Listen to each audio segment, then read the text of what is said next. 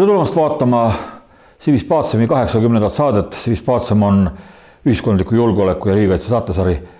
ja me tahaksime teid täna kutsuda kuulama jutte eh, elektri hinnast. varahommikul ma kuulasin ühte elektriasjanduse tegelast raadiost, kes reklaamis kangesti universaalelektri hinnasüsteemi, mis on muide üle viie korra kallim kui meie see hind, millega me harjusime siin hästi pikkade aastate jooksul. elik kui väikese Tallinna korteri elektriarve vanasti oli kakskümmend viis, noh, kolmkümmend eurot, praegusel niisugusel aastaajal, sügisel ja kevadel, siis oodake nüüd elektriarved, mis on üle saja euro. korrutage see summa viiega, mis teil vanasti oli kusjuures see elektriasjatundja ütles, et universaalhind polevatki veel lõplik tegelane ütles, et Eesti ei saa elektribörsilt lahkuda, kuna see saadaks välisinvesteerijatele vale signaali turu ebastabiilsusest ja siis enam Eestisse ei investeeritaks. noh, minul tekkis kohe vastumõte, et kui palju neid investeerijaid meil Eestis siis siin enam üldse ongi, kui meie enda firmad juba panevad uksi kinni, ma toon teile siin kasvõi näiteks praegusel hetkel, et et uksed paneb kinni Saaremaa leib. räägitakse kuuldavasti ka sokifirma Suva on väga suurtes raskustes arvatavasti on neid firmasid veelgi ja Refikate valitsus siis noh, sõna otseses mõttes lömitab välisinvesteerijate ees, võimalike välisinvesteerijate ees. tont seda teab, kas nad investeerivadki, aga oma rahvale paneb lingu kaela ja nöörib hingetuks. ja sellega me tahaksime arutada nüüd Martin Helmega, kes on Eesti Konservatiivse Rahvaerakonna esimees ja Riigikogu aseesimees. niisiis meil tuleb üks suur miiting tegelikult elektri hinna alla, elektri hind alla ongi vist selle miitingu nimi, nimi, nimi, eks ole, jah. see on siis järgmisel pühapäeval, kuueteistkümnendal oktoobril kell kaksteist. Vabaduse väljakul, eh, seda sinu sissejuhatust kuulates mm, -hmm. et me ei saa börsilt lahkuda, sest et turu stabiilsus eh, võib sattuda küsimärgi alla, ma küsiks, missugune turu stabiilsus, millest te räägite, inimesed, mis turg, mis stabiilsus? Ja, ja, ja saadab välja vale signaali ausalt öeldes, äh, aga mis signaali see saadab välja kõigile Eesti inimestele? et teie asi ongi lihtsalt maksta, maksta, maksta ja isegi siis, kui enam ei ole raha, et maksta, ikka veel maksta. ja, ja, ja see raha ju läheb laias laastus kahte kohta, läheb valitsuse kätte nendest skeemidest võime võib-olla pikemalt natuke rääkida ja läheb nendele samastele välismaa onudele, kellele mhm. siis Reformierakonna valitsus tahab meeldida, et, et mis signaal see selline on, ma ei, ma ei, ma ei, ma ei ole, ma lihtsalt nii, ma ei, ei suuda imestada ära et seda lolli juttu meile jätkuvalt räägitakse olukorras, kus noh, tegelikult mu meelest inimesed on täiesti meeleheite ja, ja raevu noh, viimase piirini viidud. väikestele noh mitte väga suure sissetulekuga perekondadele, inimestele on selline hinnakasv tegelikult päris talumatu. kus on eriti, kui on veel peredel väikesed lapsed, laste peale kulub hästi palju raha, eelarve, pere-eelarve on tegelikult viimase euroni planeeritud ja nüüd virutatakse nihukene kuradi purakas sisse. no ennem kriisi oli ju tehti Eestis korduvalt on neid küsitlusi suhteliselt stabiilselt näitasid need pangad tegid ja, ja tehti niisama küsitlusi suhteliselt stabiilselt nägime pool Eesti elanikkonnast tuleb ots otsaga kokku. nipin-nabin palgapäevast palgapäevani, midagi suurt osta ei saa. mingisugune asi läheb sul katki külmkapp või televiisor või uut autot on vaja, siis pead tükk aega nuputama, mingeid liisinguid proovima võtta, et saada uus asemele. et see, pool Eesti elanikkonnast mm oli juba ennem seda hinnatõusu noh, tõesti viimaseni välja venitatud. nüüd äh, selle hinnatõusu käigus, mis meil on olnud ja me räägime praegu elektrist, aga tõusnud on ju kahekordseks ka kütuse hind. ka autosõit on kaks korda kallimaks läinud, tõusnud on toidu hind, osad toiduartiklid noh, kordades, kordades siin kolmekordsed, kahekordsed hinnatõusud, et no, tundub okei okay,, sai läks ühelt eurolt kahele eurole ka noh, sajaprotsendine hinnatõus, et noh mis see üks euro on, aga see tegelikult on su igapäevane toit ja, ja, ja sa ostad saia ju põhimõtteliselt noh, iga päev või üle päeva. et kõik muud kulud on ka kasvanud. E, e, paneme siia juurde, mis on väga oluline, millest räägitakse tegelikult liiga vähe, sest et see on hirmus pauk, mis on tulemas, on intressitõus Eesti keskmine äh, siis äh, kodulaenu summa on kasvanud juba sinna kusagile tuhande euro kanti kuus.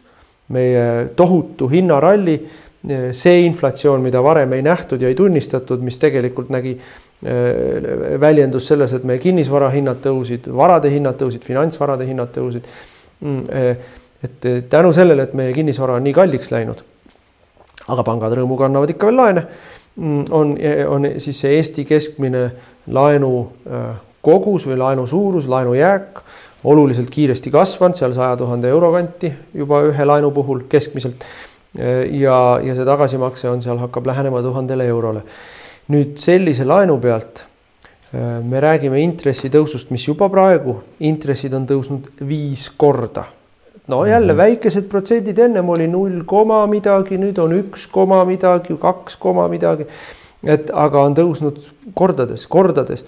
Ja aga mida see iga koma koht tähendab, tähendab äh, järgmist paarikümmend eurot kuus, kuutekümmet eurot kuus.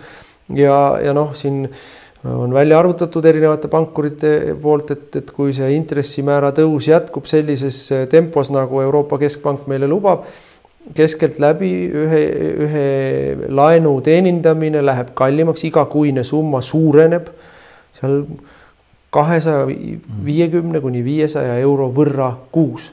mõtleme nüüd selle litri peale, inimesed ei ole võimelised maksma oma kodu küttearvete eest, elektriarvete eest, ei saa enam autoga sõita, nii nagu vanasti, toidukorvi.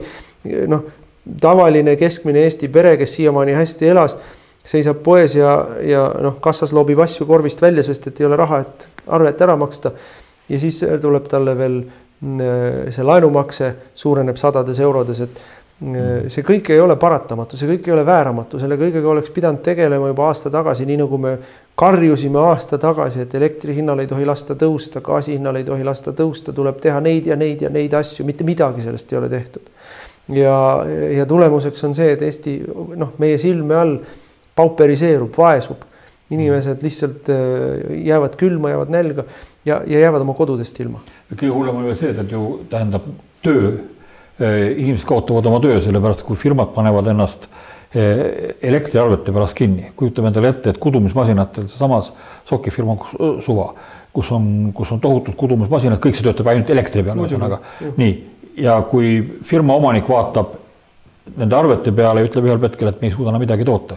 see on. noh, selle soki hind tuleb nii ja. suur, et seda sokki ei ole kellelegi müüa, noh. Prantsuse kuningale oleks võimalik olnud müüa, aga et, et noh, nii ongi ja leivatehas, sokitehas mm, -hmm. toiduainetööstus karjub mitte ainult toiduainetööstus, vaid toiduainetootjad. meil lähevad kinni kalakasvandused, sigalad, piimakasvandused, kõik karjuvad, et noh, me, meil ei ole võimalik enam. viljakasvatajad ütlevad, et no ei saa, kuivatit ei saa tööle lülitada, et nii kui sa kuivati käima paned, siis ükskõik, kas ta on sul diisli peal või elektri peal. kogu selle kokku korjatud vilja noh, mahamüüdav summa läheb mõne minutiga viuh korstnast välja mm, -hmm. et, et see, see, see on nagu niivõrd kõikehõlmav, see energiahindade kasv. et noh, vaadata seda niimoodi käed rüppes pealt ja öelda, et me ei saa midagi teha, sest saadab välja vale signaali.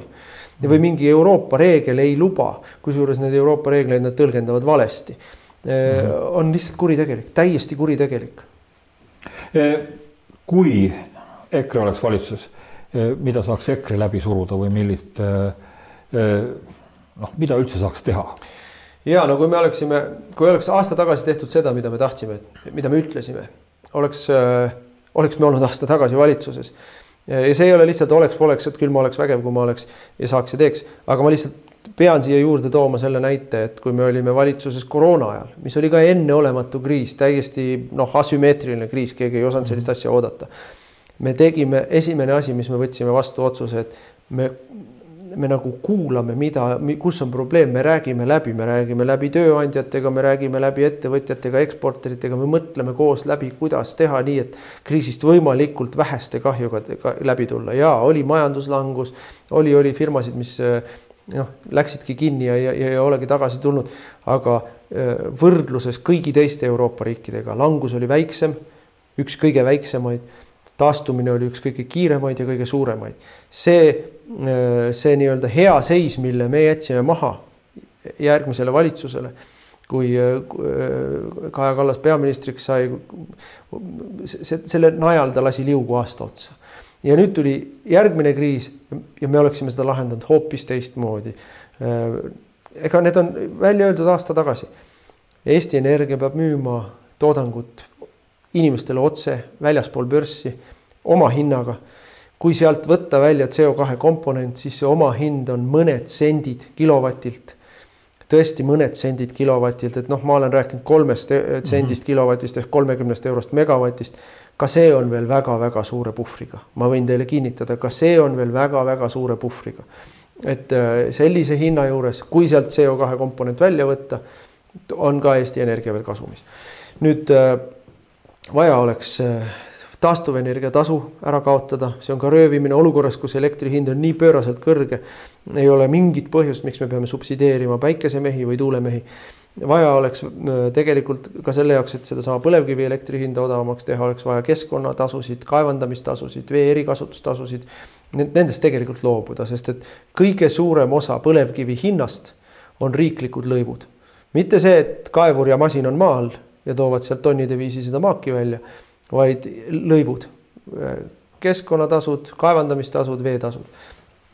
sajad miljonid, mille riik võtab nende tasude näol ja see läheb loomulikult elektri hinda. nii et need on asjad, mida oleks vaja teha olnud, noh gaasist rääkides, gaasiga on meil ikkagi väga tõsine probleem, sellepärast et Eesti oli üks neid väheseid riike Euroopas, neid noh, mida rohkem ida poole, seda rohkem neid riike oli. Saksamaa gaasisõltuvust Venemaast oli umbes viiskümmend protsenti, võib-olla natuke vähem mhm. isegi. Eesti sõltuvus Vene gaasist oli sada protsenti, no üheksakümmend seitse koma midagi mm. -hmm nii palju, kui me ise bio, biogaasi tegime ja, ja põlevkivigaasi tegime, et need olid väiksed, mõned protsendid e,. lihtsalt meie erinevus Saksamaast on see, et meie majanduses gaasi tarbitakse väga vähe e tööstus küll tarbib, aga seda tööstust on vähe. kakssada tuhat kodumajapidamist kütavad ennast gaasiga, see on tõsi ja, ja, ja noh, nendega ei ole noh, tänase päevani selge kuidas nemad hakkama saavad, et LNG terminalist on kümme aastat räägitud, Taavi Rõivas peaministrina lasi põhja LNG terminali tegemise. targutas sinna juurde veel, kui rumalad olid leedulased, et nad seda tegid üksi, et oleks pidanud ikka koostöös tegema kõikide teiste riikide nagu Eesti ja Soome tahtsid teha. noh, tulemus oli selle koostööle, et ei teinudki see, kui laev läheb Soome ja meile üritatakse selgeks teha, et meil pole mingit vahet, kas Soome läheb laev või Eestisse läheb laev. no ikka on vahe me nägime, et Nord Streami torujuhe, meil on ka, eks ole, Balticconnector torujuhe, et see torujuhe võib ühel hetkel lihtsalt õhku lennata. ja, ja siis ei ole meil mingit kasu sellest, et LNG laev on Soomes. Soomes ei ole hoidlaid, Eestis ei ole hoidlaid, hoidlad on Lätis. Läti hoidlaid varustatakse läbi Leedu. Leedus on LNG, LNG terminal mm. -hmm. aga selle, selle sadama vastuvõtuvõime ja selle toru läbilaskevõime jääb kaugelt alla kolme Balti riigi ja kui sinna otsa veel panna Soome, eh, siis veel rohkem jääb kaugelt alla tarbimisvajadusele, sealt torust lihtsalt ei tule nii palju läbi. Eh, ja sealt sadamast ei, ei jõua nii palju maha lossida, kui on vaja nende kolme riigi gaasivarustuse tagamiseks, nii et noh, see jutt, et ärme muretse, Leedus on, Soomes on, meil on torud, Lätis on eh, laod. tegelikult ei, see, on kõik soola puhumine, see, see tegelikult varjab asjaolu, et meil on täielik kriis ja puudujääk ka gaasis nii et noh, need asjad ja need on kõik asjad, mida valitsus peab tegema, need on kõik asjad, mida valitsus peaks tegema, saades aru, et ollakse eksistentsiaalses kriisis. aga noh, meil ametlikud niisama kõhutavad kuskil ja, ja, ja teoritiseerivad, mis siis, mis siis saab, kui enam ei ole. et noh, see on, see on, see on lihtsalt kohutav, ma veel kord ütlen, kuritegelik, kuidas meil ei vastutata mitte millegi eest ja, ja selle tõttu me liigume ikkagi väga-väga ränkraskesse perioodi äh, ma nüüd küsin, küsin ühe noh, suht asjatundmatu küsimuse, et äh, kas sellesse nii-öelda Baltic kollektorisse, mis nüüd ühendab Norrat, mis alles avati, eks ole, Norra samal päeval, kui need Nord Streami. see ei ole Baltic kollektor, see on, nüüd äh, Norra ah, Poola, Poola toru jah. ma ei tea, mis ta täpselt, kuidas nad nimetavad. kas meil oleks olnud võimalik selle toruga ühe, ühineda või me magasime selle mingisugusel põhjusel maha? no Norra on üks neid riike, kelle gaasiga asendatakse Vene gaasi mm, -hmm. sest Norra on üks neid väheseid riike Euroopas, kes eh, ei ole ennaktempos lõpetanud ära nafta ja gaasi ammutamist. võtame näiteks Suurbritannia, millel olid Põhjameres väga suured gaasimaardlad, siiamaani on aga põhimõtteliselt rohepoliitika tõttu otsustati neid gaasimaardlaid mitte kasutusele võtta ja vanad maardlad, kui need ammendusid, kinni panna, uusi investeeringuid sinna ei tehta. tagajärjeks on see, et kaheksakümnendatel ja veel üheksakümnendate alguses Suurbritannia oli gaasi eksportija riik. nüüd on juba mitu aastat, juba umbes kümme aastat gaasi importija riik, sest et nemad on nii rohelised noh, kust noh, ei ole ju tegelikult rohelised, et gaasi tarbivad ikka, lihtsalt see tuleb kuskilt mujalt, mitte nende enda maardlast. nüüd Norra mahud jälle, kõik loodavad Norra gaasi peale, Norra nafta peale, Norra mahud lihtsalt ei ole need. see, millise koguse tarvitab ära Saksamaa majandus, Hollandi majandus, Euroopa kaks kõige suuremat majandust peaaegu. Need on noh, meie mõistes pöörased numbrid, et üks BASF-i tehas tarvitab poole aasta, ühes kuus rohkem ära kui Eesti poole aasta jooksul. et terve Eesti majandus kulutab vähem ära, kui seal läheb aasta, poole aasta jooksul vähem ära, kui, kui seal läheb ühe kuuga. ja, ja see BASF-i tehas seisab tegelikult tänaseks päevaks.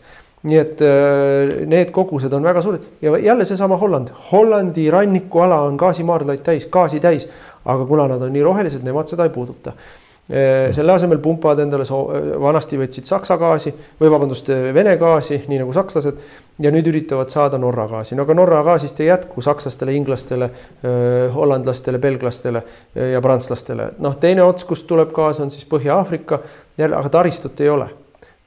on mõned torud on, eks ole, seal Hispaanial, aga põhimõtteliselt taristut ei ole, et tuleb LNG laevadega vedada edasi-tagasi, ei ole vastuvõtuvõimekust, ei ole väljasaatmisvõimekust. et ega gaasi maailmas otsas ei ole, gaasi tootmismaailmas ka ei ole otsa saanud, aga lihtsalt Euroopa turul otsustati ühest tarnijast loobuda ennem kui uute tarnijate vastuvõtuvõimekused või noh, ahela tarne, tarneahelad oleks paigas.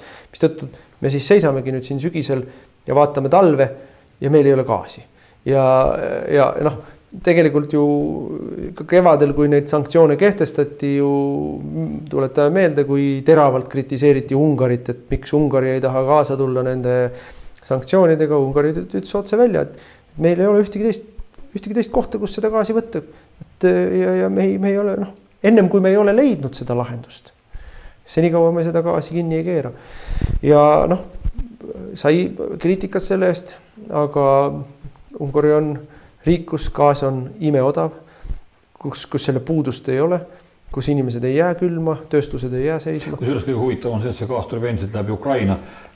üle selle gaasitoru tulistatakse üksteist, eks ole, aga gaas tuleb mööda toru ikka edasi. kusjuures ka läbi selle toru mitte ainult Ungarit ei varustata, vaid varustatakse ka Serbiat, mis on nagu Vene, Serbia, noh, kõik teavad, kuidas Serbia ja Vene no,. eks ole, sümpatiseerivad üksteisele. see on see üks, just, just, just noh, neil on ikkagi jah, väga selge selline maailmavaateline mm -hmm. ühishingamine.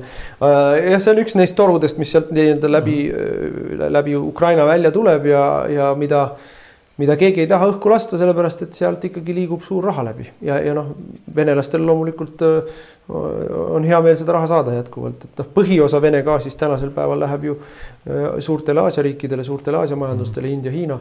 Mm, ja müüakse seda kallima rahaga, kui gaas on elu sees olnud.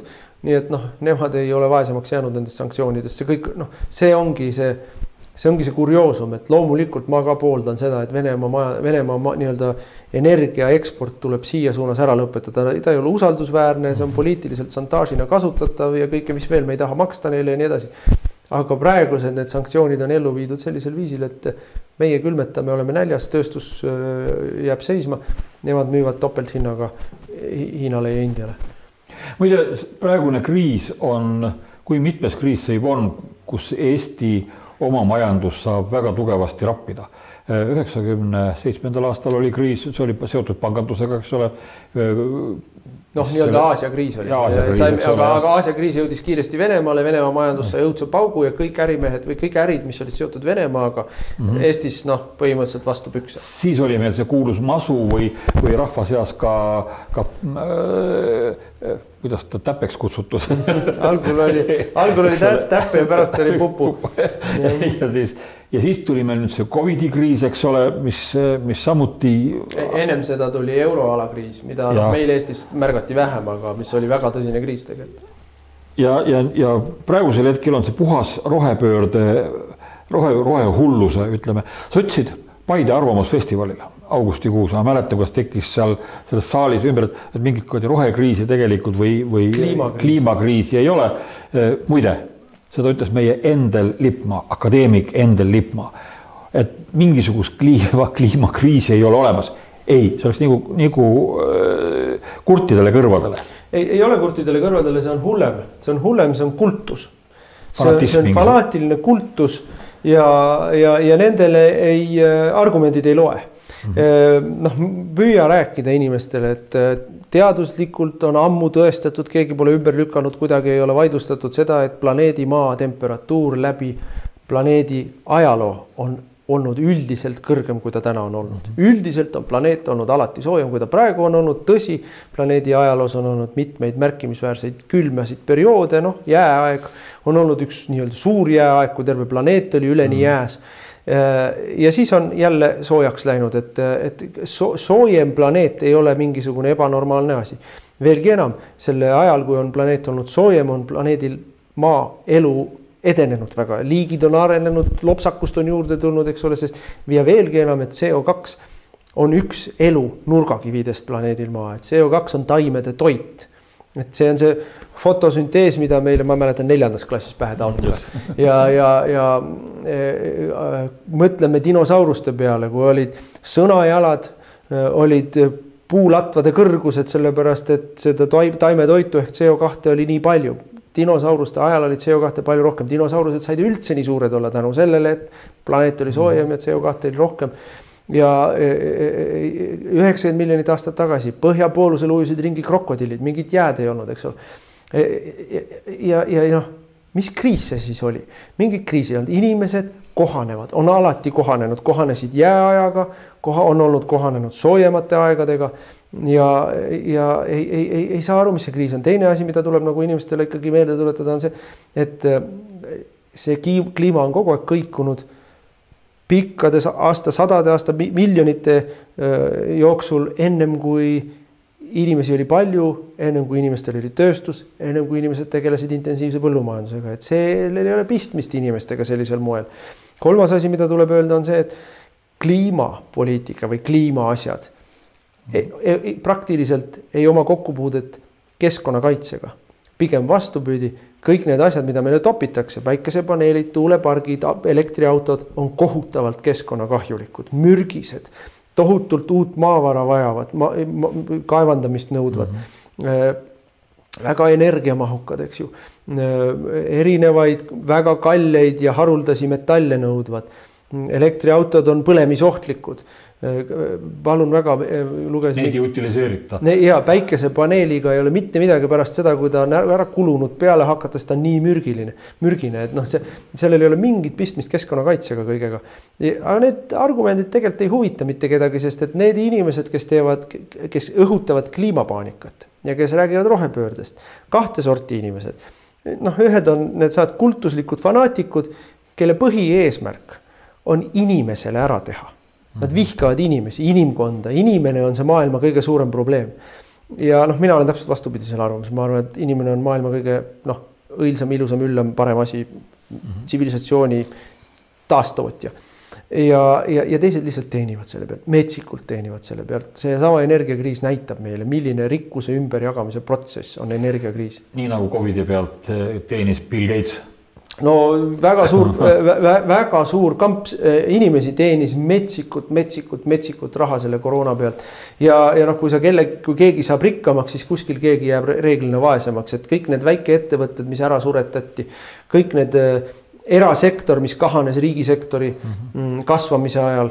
Mm, see nii-öelda regionaalne rikkuse ümbermängimine, eks ole, et kellele see siis kasulik lõpuks oli ja, ja noh, see on tohutu rikkuse ümberjagamise protsess oli, oli ka koroona ja nüüd energiakriis.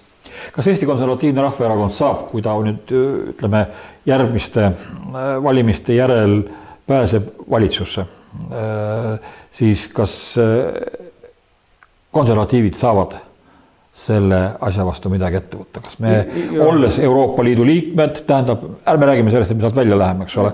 me, me, meie tegelik eesmärk ei ole mitte Euroopa Liidust välja minna, vaid meie eesmärk on Euroopa Liitu muuta seest. ja noh, kui see vähekenegi õnnestub, aga ma ütleksin selles mõttes, et iga valitsuse pea, esi, esmane ülesanne on seista oma inimeste heaolu eest, oma inimeste turvalisuse eest, muide ja, ja nüüd pärast koroonat ja, ja, ja ka siis sellesama rohe pöörde paanika ajal tuleb ka rõhutada, seista oma inimeste vabaduse eest, et see, see nende paanikate külvamine ka koroona ajal nägime, energia ajal meile tullakse ütlema, et ei, ei, ei, kui te kodus panete rohkem kui üheksateist kraadi sooja, siis võib teid vangi panna. Mm., nagu Šveitsis oli uudis, et kui ikkagi tuba on soojem kui üle üheksateistkümne, siis esiteks naabrid peavad koputama ja teiseks riik paneb su vangi. see ei ole ju vaba ühiskond. Et lõpe, see, see, see, see on Pol Poti või, või noh, ma ei tea, mis iganes, see ei ole vaba ühiskond ja, täpselt samamoodi nagu ei ole vaba ühiskond see, kus sulle öeldakse, et tee süst või laseme su lahti, eks ole. et äh, vabaduse eest tuleb ka seista, nüüd mis puudutab energiahindadesse, siis äh, ei ole äh, mingit põhjust, mingit takistust reguleerida meil neid hindasid ise, Euroopa Liit seda tegelikult ei keela, vastupidi, Euroopa Liit ütleb, et meile on antud kõikidele liikmesriikidele vabad käed lahendada energiakriisi. sakslased võtsid söejaamad uuesti kasutusele, eks ole, teised riigid mhm. maksavad ettevõtetele toetusi, e, maksavad, kehtestavad riiklikult reguleeritud hinnalagesid, mida kõike veel, kõik teevad midagi. meie, meie lihtsalt ütleme, et ei, meie, meie ei tee midagi, meil turg paneb asja paika, no mingit turgu ei ole, mingit turgu ei ole äh, nii et see, seda, selles mõttes see, see jutt, mida meile räägitakse, noh, vanasti oli selline hea ütlemine eesti keeles, et kes äh, tahab, leiab võimaluse, kes ei taha, leiab vabanduse. no meil on praegu valitsus, mis leiab kogu aeg vabandusi. ja, ja ilmselgelt ei taha midagi teha, meie tahame ja me tahame ja meil on täpselt, me teame täpselt, me oleme läbi mõelnud, me oleme ära rääkinud, mida me teeksime, kuidas me teeksime, me teeksime kiiresti, teeks kohe. Et elektri hinda alandada, radikaalselt alandada, mitte lihtsalt, ma ei tea, sealt kahe, kahesaja megavati pealt tulla seal, ma ei tea, saja kahekümne peale, no lõpetage ära, see on ikka kallis elekter, et me, me räägime ikka, me, meil on võimalik elektrit müüa inimestele seal kahe-kolme sendiga kilovatist tegelikult. nüüd äh, järgmine suur äh, selline põhimõtteline küsimus on, aga mis siis, kui mõni eurodirektiiv ütleb, et seda teha ei tohi, no ma toon hea näite. pandi kinni Narvas kolm energiaplokki mm. -hmm. praegu igaks juhuks numbreid ei ütle, esimene, neljas ja seitsmes äkki. pandi kinni sellepärast, et Euroopa Liidus on mingi keskkonnadirektiiv, mis annab seda tüüpi tehastele, seda tüüpi energia tootmisele äh, lubatud töötunnid. ja need töötunnid said täis ja kõik. täiesti töötavad plokid, siiamaani töökorras, pritsi õliga üle, lase vesi sisse kütus sisse ja korras, hakkavad tööle. Äh, viissada megavatti umbes äh, on selle tõttu tootmisest väljas ja keegi isegi ei aruta nende tagasi tööle panemist, sest ei noh, Brüsseli direktiiv ütles, et töötunnid on täis ausalt öeldes, keda huvitab Brüsseli direktiiv? paneme tööle, meil on elektrit, müüme lätlastele ka veel, need on ka õnnelikud mm. -hmm. teenime raha ja pärast klaarime. kas see direktiiv päriselt siis ütles seda nii või oli seal kuskil mingi erand, ma võin teile kinnitada, enamikes Euroopa direktiivides on sada erinevat erandit. ja mõni teine direktiiv, mis ütleb teistmoodi ja siis vaidleme mm. -hmm ja kui, ja kui vaidlus on peetud ja me kaotasime, siis vähemalt oleme saanud mitu aastat ikkagi sellest energiakriisist läbi tulla niimoodi, et meie inimestel on soe olnud. et me ei pea täitma, Poolale anti käsk Brüsselist, pange oma söejaam kinni. Poola ütles, et ei pane, ei pane oma söejaama kinni ja kõik ja siis pandi miljon eurot või pool miljonit eurot trahvi päevas ja Poola ütles, et ei maksa ka. et, et noh, see on, see on ju tegelikult, see on ju tegelikult täiesti absurdne, kui me ütleme, et ei noh, meie inimesed peavad külma ja nälga jääma ja ennast vaeseks maksma, sellepärast et kuskil bürokraadid ütlesid Brüsselist meile, et nii on. ei, lihtsalt ei huvita, mida bürokraadid Brüsselis ütlevad, et teeme nii, nagu meil on vaja, nii lihtne see ongi. ja, ja, ja siin tuleb nii selge vahe sisse meie ja kõigi teiste erakondade vahel, teised erakonnad küsivad, mida Brüssel arvab. meie ütleme, küsime, mida on vaja teha, et meie inimestel oleks hea sa võtsid mul sõna otseses mõttes järgmise küsimuse suust ära juba. et tegelikult ma tahtsin ühe väikese märkuse ainult siia juurde või väikese täienduse öelda siia juurde, et kui me need põlevkivijaamad uuesti tööle paneksime, sellisel juhul meid saaks ikka Ida-Virumaal uuesti kaevurid tööd, mis oleks väga suur äh, boonus meie enda rahva teenimisvõimalustele, eks ole. ja no põlevkivi, põle-, me oleme jälle noh see on võib-olla niisugune väike mudel, mille järgi me saame aru, kuidas kriise tekitatakse. et mõni aasta tagasi oli elektri hind madal, kaevuritel ei jätkunud piisavalt rakendust, hakati koondama. koondati siin saja kaupa ja paarisaja kaupa, koondati lõppkokkuvõttes üle tuhande kaevuri ära. nüüd on nõudlus on suur. põlevkivi tegelikult kaevandatakse tänasel päeval vähem, kui ahjudesse aetakse, laoseis väheneb kogu aeg noh, see ei ole katastroofiline, noh, ütleme, see laoseis on piisavalt ja peale tuleb ka piisavalt, aga tasapisi kogu aeg see laoseis väheneb mm. -hmm. sest kaevureid ei ole enam.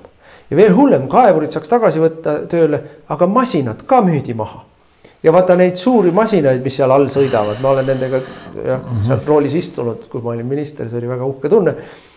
Neid niisama nipsust enam, noh, neid ei müüda, Selveri taga kuskil ei müüda Neid masinaid tellid, siis saad kahe aasta pärast kätte nii et, et noh, selle lühinägelikkusega, et aa, meil hoiame praegu kokku siin mingisugune mõnisada tuhat eurot mhm. kuus. las lähevad koju, müüme masinad ka maha. põhimõtteliselt garanteeritakse, et mõne aasta pärast ollakse kriisisituatsioonis, kus kus polegi seda põlevkivi, mida ahju ajada. kuhu need masinad müüdi või anti, aeti lihtsalt vanametalli no, eest maha? põhimõtteliselt vanarauaks jah ühesõnaga vana metalli. Need on nii spetsiifilised masinad, et neid mujal väga kuskil kasutada ei saa ja noh, niikuinii meil toimub ju põlevkivist väljumine mm. -hmm. mida tegi Kaja Kallas, kui ta sai peaministriks koos Jüri Ratasega, esimene asi, mida nad kuulutasid. kolmekümnendaks aastaks põlevkivielektri tootmine lõpetatakse. noh, firma juhtkond kuulas, ütles selge, läheb vanarauaks. kui mitmel juhul, kui mitmes juhus meil see Eesti ühiskonnas juba on, kui mingid raua, vanaraua tegelased ka saavad siin boonust, kes mõtlevad ainult, kuidas vanaraua pealt äh, teenida. kuidas läks, meie laevad läksid näiteks kasvõi reisilaev Tallinn, mida oleks saanud kasutada ükskõik milleks, eks ole, lammutati vanarauaks. meie lipulaev Admiral Pika vanarauaks, kusjuures see oli veel täiesti, täiesti korralik laev. EKRE valmistub kahe tuhande kahekümne kolmanda aasta Riigikogu valimisteks mille poolest need valimised meie jaoks, Eesti konservatiivide jaoks on, on olulised ja, ja millised lootused nendele valimistele pannakse? No me loodame, me loodame suurt toetuse kasvu, et ikkagi meie eesmärk on nendelt valimistelt võtta esimene koht ehk parim tulemus. eesmärk on saada eh, see olukord, eesmärk on, et tekiks selline olukord, kus meile pakutakse kõigepealt valitsuse moodustamist. noh, me võime muidugi unistada ja, ja, ja, ja tahta seda ja, ja see oleks kõige parem lahendus et me saame üksinda valitsuse teha, sest et noh, me oleme näinud, et erinevad partnerid, kellega me koos oleme koalitsioonis olnud, et ega ne,, ega nemad väga hea meelega neid asju, mida meie tahame teha, ju ei taha teha. ja, ja mis on need teemad, noh, täiesti selgelt noh, hästi üldiselt võttes majanduskriis, sest et sellele energiakriisile vältimatult järgneb suur majanduskriis, tööpuuduse kasv, firmade pankrot, maksulaekumiste vähenemine ja, ja, ja noh, erinevad sotsiaalsed pinged sinna juurde e. E energiakriis, majanduskriis, selle lahendamine niimoodi, nagu ma ütlen, et võimalikult väikeste kahjudega, niimoodi, et me võimalikult kiiresti saame uuesti kasvama hakata, et inimesed saavad uuesti jalad alla ja elu läheks paremaks. ma keeldun, ma keeldun, keeldun, keeldun nõustumast selle lähenemisega, mida meile Kaja Kallas ja Jürgen Ligi ja kõik, kõik, kõik, kõik, kes räägivad, kuidas et edaspidi tulebki hakata halvemini elama, sööte vähem liha, tarbite, mm. käite vähem duši all, autoga sõidate vähem soojamaa reisile, ärge üldse unistage, et lähete, tuleb elada väiksemas korteris või majas, eks ole. ei, ei, kes tahab, hääletagu selle tuleviku poolt. meie ei ole sellega nõus, meie tahame, et tulevik oleks selline, kus elu läheb ikkagi paremaks. ja, ja, ja see on nagu, ma arvan, hästi suur oluline teema nüüd teine oluline teema on äh, immigratsioon. ja, ja see on see, äh, noh, see, mis Eestis toimub praegu viimased, mitte ainult viimased pool aastat, kus on toimunud siis ka äh, noh, plahvatuslik slaavi elanikkonna kasv, ukrainlased, venelased, vahetevahel ei tehta ka, ei, ei suudeta neil vahet teha, et kumb, kumbad nad siis täpsemalt on, et on Ida-Ukrainast, kaks passi taskus, eks ole, Vene ja Ukraina pass taskus küsid, mis keelt räägid.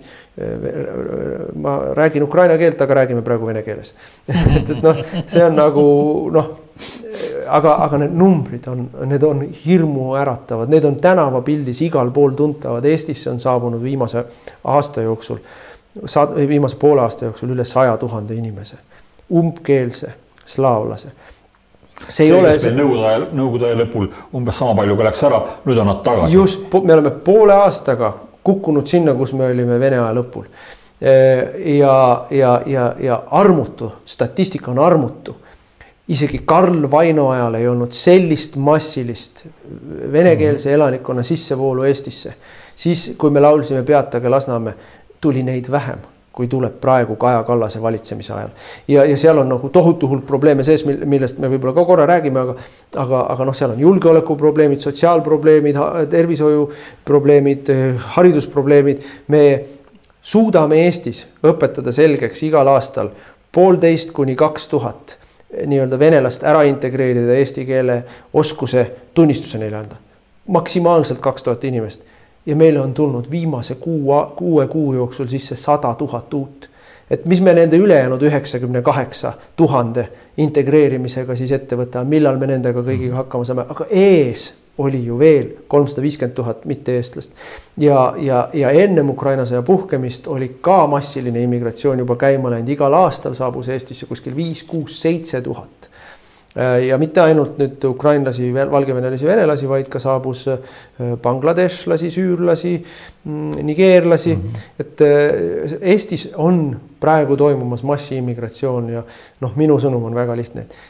ei saa rohkem juurde võtta kedagi. ja need, kes on tulnud. on täis. absoluutselt oleme üle ääre ajame ja need, kes on tulnud viimastel aastatel, ma ei räägi ainult sellest aastast sõjapõgenist, ma räägin ka nendest, kes on jõudnud viimase, viimase ütleme siis kuue-seitsme aasta jooksul, kaks tuhat kuusteist Taavi Rõivase valitsuse viimane seadus, mille läbi surus, oli immigratsiooni lõdvendamine, et. et need, need tuleb Eestist äh, ära saata, et nendega ei saa jätkata, et meie rahvusriik lakkab toimimast, kui me seda ette ei võta, et see on väga selge sõnum, et mitte lihtsalt me ei võta enam juurde, vaid neid, kes juba on tulnud viimastel aastatel siia jõudnud, neid, neile tuleb väga selge sõnum saata teil mhm. ei ole pikalt Eestis võimalik olla. ja, ja see on väga, see on väga tõsine teema, sest et noh, kui me sellega ei tegele, siis kõik muu on mõttetu, eks ole, ja siit ma jõuan kolmanda teemani mis on mõttetu, kui me ei tegele selle immigratsiooni teemaga, see on riigikaitse. et meie riigikaitses on tohutud augud sees, noh Põmb ja Martin Herem plärtsub jälle siin midagi minu suunas, kuidas ma ei tea mitte midagi riigikaitsest, noh. ma, ma, ma arvan täpselt sama temast. Äh, aga äh, noh, ta on reformierakondlane, ideoloogiliselt reformierakondlane, meil on liitlased, meil oma relvi ei ole vaja. meil on siin liitlaste vastuvõtuvõimekus me ei tahagi endale rannakaitset, me ei taha, rannakaitset ütles, et meil ei olegi rannakaitset, meil on laevatõrjeraketid. noh, no, äh, ausalt öeldes ma imestan, et tal see ninaauk nii väike on sellise nina nokkimise peale, et äh, laevatõrje on ka rannakaitse, põmm pea et äh, see ei ole nagu lihtsalt asi, millega ta põrmustaks minu väite, et me ei ole asju õigesti teinud noh, ma olen, ma olen, noh, ma olen üli-ülikriitiline nii tema suhtes kui eelmise kaitseministri suhtes, Kalle Laaneti suhtes, tänase kaitseministri Hanno Pevkuri suhtes. aga kõik need seitseteist aastat, kui Reformierakond võimul on olnud, kui nad ei ole tahtnud riigikaitset arendada, nüüd me maksame selle eest, meil on nagu ikkagi noh, nii rängad lüngad, et neid siin mõne kuuga täita, ükskõik kui suure rahaga täita, on väga raske. Ja ja, ja nad ikka, ka seda praegu ikka veel ei taha seda tööd ka teha ma teeksin, sa rääkisid äh, migratsioonist, ma teeksin ühe väikese lühikese täiendpassaaži lihtsalt siia vahele praegusel hetkel selle koha pealt. Äh, registrite põhjal toimus kahe tuhande kahekümne esimesel aastal rahvaloendus. ja selle põhjal kahe tuhande kahekümne esimesel aastal, enne sõda, enne seda Just. suurt immigratsiooni, oli seis meil tegelikult juba päris hea, seitsekümmend kaks koma viis protsenti Eesti rahvastikust, kes on siin, lugesid ennast eestlasteks see tähendab siis mingisugune osa ka sellest endisest vene rahvastikust lõpuks hakkas ennast pidama noh, võib-olla kõigepealt eestimaalaseks, pärast äh, õppides ära aina paremini eesti keele, hakkas ennast pidama eestlasteks. ja nüüd me oleme siis, tähendab, tegelikult kukkunud äh, sellesse vanasse äh, seisu tagasi. ja, ja no muidugi selle rahva, rahvaloenduse osas äh, mina ei ole rahvastikuteadlane, aga kui me olime valitsuses, siis me valmistasime seda ette ja seal oli nagu hästi palju väga tõsiseid vaidlusi selle üle, et oli näha, et selle rahvaloenduse üks eesmärke on toota poliitiliselt korrektset statistikat selle kohta, kui hästi meil rahvastikuga on, kui hästi meil on eestlastega, et seal eestlasteks tegelikult loetakse põlisrahvastik kelleks on ka siin kolmandat põlve viibinud ükskõik milline mitte-eestlane. vähemalt üks vanem või vanavanem on sündinud Eestis. ja, aga see ei ole eestlane, et kui sul vana, vanem või vanavanem on sündinud Eestis, ütleme kuuekümnendatel tuli kuskilt äh, Siberi aladelt siia tööle või Peterburi aladelt siia tööle äh, ja ja, ja, ja noh, tema lapselaps sündis juba taasiseseisvunud Eestis, seal üheksakümnendatel, nullindatel teda loetakse nüüd eestlaseks, ehkki ta ei pruugi ikka veel eesti keelt osata, nii nagu meil Lasnamäel on väga palju selliseid äh, venelasi, kes on siin sündinud, terve aja siin koolis käinud, elanud. Äh, ei, ei pea ennast ise eestlaseks, aga statistika ütleb, et ta on põliselanik, järelikult eestlane, et noh, seal on hästi palju sellist bluffi. aga noh, ütleme niimoodi, et mm, äh, kuni jah, seal kusagil kuni kuskil selle sajandi esimese kümnendi ja võib-olla esimesed viisteist aastat, kahe tuhande viieteistkümnenda aastani siiski Eesti rahvastiku osakaal pisitasa kasvas. me kaotasime muidugi tohutu hulga inimesi sellesama masu ajal. Eestist läks ära umbes sada tuhat inimest, tagasi tuli sellest vähem kui pool mm. -hmm. ja, ja, ja, ja noh, kaotasime seal väga suure matsu võtsime sisse, aga, aga pisitasa Eesti rahvastik ja see, ja see oli osaliselt loomulikult ka integratsiooni ehk assimilisatsioon. integratsioon on see, kui kui me õpetame nad eesti keelt rääkima ja eesti kombeid mõistma, assimilatsioon on see, kui nad juba ise tunnevad, et nad on eestlased või vähemalt noh, Eesti sellised, et, et see on üdini nende kodumaa ja nad mm -hmm. noh, on selle osa. et see on juba assimilatsioon ja assimilatsioon peaks olema tegelikult see, mille, mille me eesmärgiks seada, seame aga sellest ei julgeta isegi rääkida? ei, ei, ei, see on jah, see on, see on poliitiliselt väär poliitiliselt ebakorrektne rassism ja, ja, ja, ja natsism või ma ei tea, mis mida iganes. aga äh, nüüd on jah, ikkagi poole aastaga kukkuda tagasi sinna, kus me olime Karl Vaino ajal. no ja ikka veel jätkub Kaja Kallasel ja kõigil neil Reformierakonna makaakidel jultumust siin sildistada kedagi Putini kasuks töötamises. ei ole kedagi, kes usinamalt töötaks Putini kasuks kui inimesed, kes ujutavad Eestit üle umbkeelsete venelaste, ukrainlaste, valgevenelastega. noh, see on lihtsalt uskumatu, millise nahaalsusega nad süüdistavad teisi inimesi selles, mida nad ise teevad. Nii, kuidas me selle saate teema kokku võtame, millise, millise lõpusõna sa, Martin, ütleksid? no ma ütleks niimoodi inimestele, et me elame väga-väga tõsisel sellisel muutuse ajal, murrangu ajal ja, ja praegu on kõik suunad on võimalikud, et võimalik on, et Eesti tuleb sellest välja raputustega ja, ja, ja, ja teatud kahjudega, aga tuleb sellest välja ja, ja me läheme suunas, mis on meie, et me ehitame üles oma rahvusriigi, mis on jõukas ja vaba ja turvaline. On võimalik, aga kui me siin magame ja kui inimesed ütlevad, et ma enam ei jaksa, ma enam ei taha, mul on lootus kadunud, ma ei usu millessegi ega kellessegi ja, ja nagunii midagi välja ei tule no, siis on minu meelest täiesti selge, et me liigume suunas, mille lõpus on Eesti-nimeline territoorium, kus eestlased on vähemuses, mis on vaene, mis on täis kuritegevust, kus, kus, kus puudub igasugune lootus, me muutume väikeseks Ukrainaks või väikeseks Venemaaks, mis on korrumpeerunud, lagastatud. ja, ja, ja selle ärahoidmiseks, selle teise suuna, selle parema suuna saamiseks, selleks, et päästa Eesti, selle jaoks tuleb täna inimestel mobiliseeruda ja unustada ära kogu see jobu propaganda, mida on söödetud siin selle kohta, mis on liberaalsed väärtused ja kes on rassistid, fašistid ja populistid. see noh, kui nüüd ka inimesed aru ei saa, mis on panused ja kuidas käituma peab mm, -hmm. siis see, mis tuleb, selle nad on endale ise teinud. aitäh, Martin Helme, et äh, tulid saatesse Civis Pacem äh, meie teiega kohtume taas nädala või kahe pärast. tulge kõik suurmeeleavaldusele kuueteistkümnendal oktoobril kahe tuhande kahekümne teisel aastal, see on pühapäevane päev ja kell kaksteist Vabaduse väljakul